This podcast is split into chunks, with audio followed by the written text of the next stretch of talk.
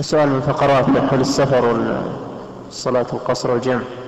قل مسافر ذهب للتجارة والرجوع في نفس اليوم. وصل قبل الظهر ويريد الرجوع قبل العصر. يريد الرجوع قبل العصر. وصل إلى البلد قبل الظهر ويريد الرجوع قبل العصر. هل يحل جمع التأخير أم لا؟ نعم لا بأس. إذا كان البلد بعيدة فلا بأس أن يجمع جمع تأخير. أو جمع تقديم حسب ما يتيسر له. طيب يا شيخ لو نوى جمع التأخير مثلا وصلى جمع تقديم ماذا عليه؟ لا بأس. لا بأس لا بأس أن أن ينوي أولا جمع تأخير ثم يبدو له أن يقدم كما أنه لو نوى أن أن يجمع جمع تقديم ثم بدا له أن يؤخر فكله جائز. نعم. طيب ما هل يأثم من صلى قصرا من صلى قصر يجمع في بلد وهو يسمع المؤذن لا يذهب من الجماعة. الواجب على من سمع المؤذن أن يحضر إلى المسجد سواء كان مسافرا أم مقيما.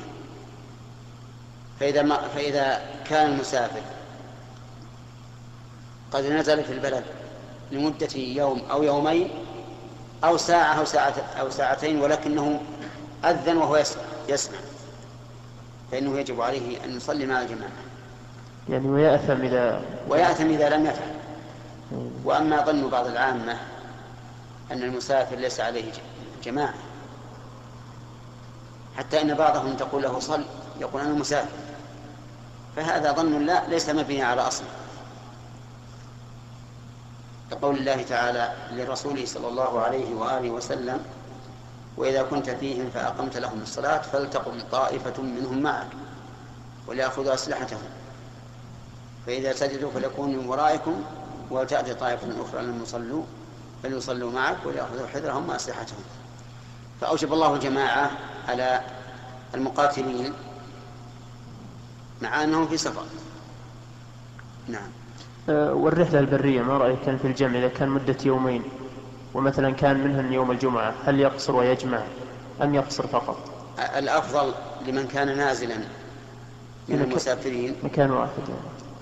أقول الأفضل أن لا يجمع يقصر ولا يجمع.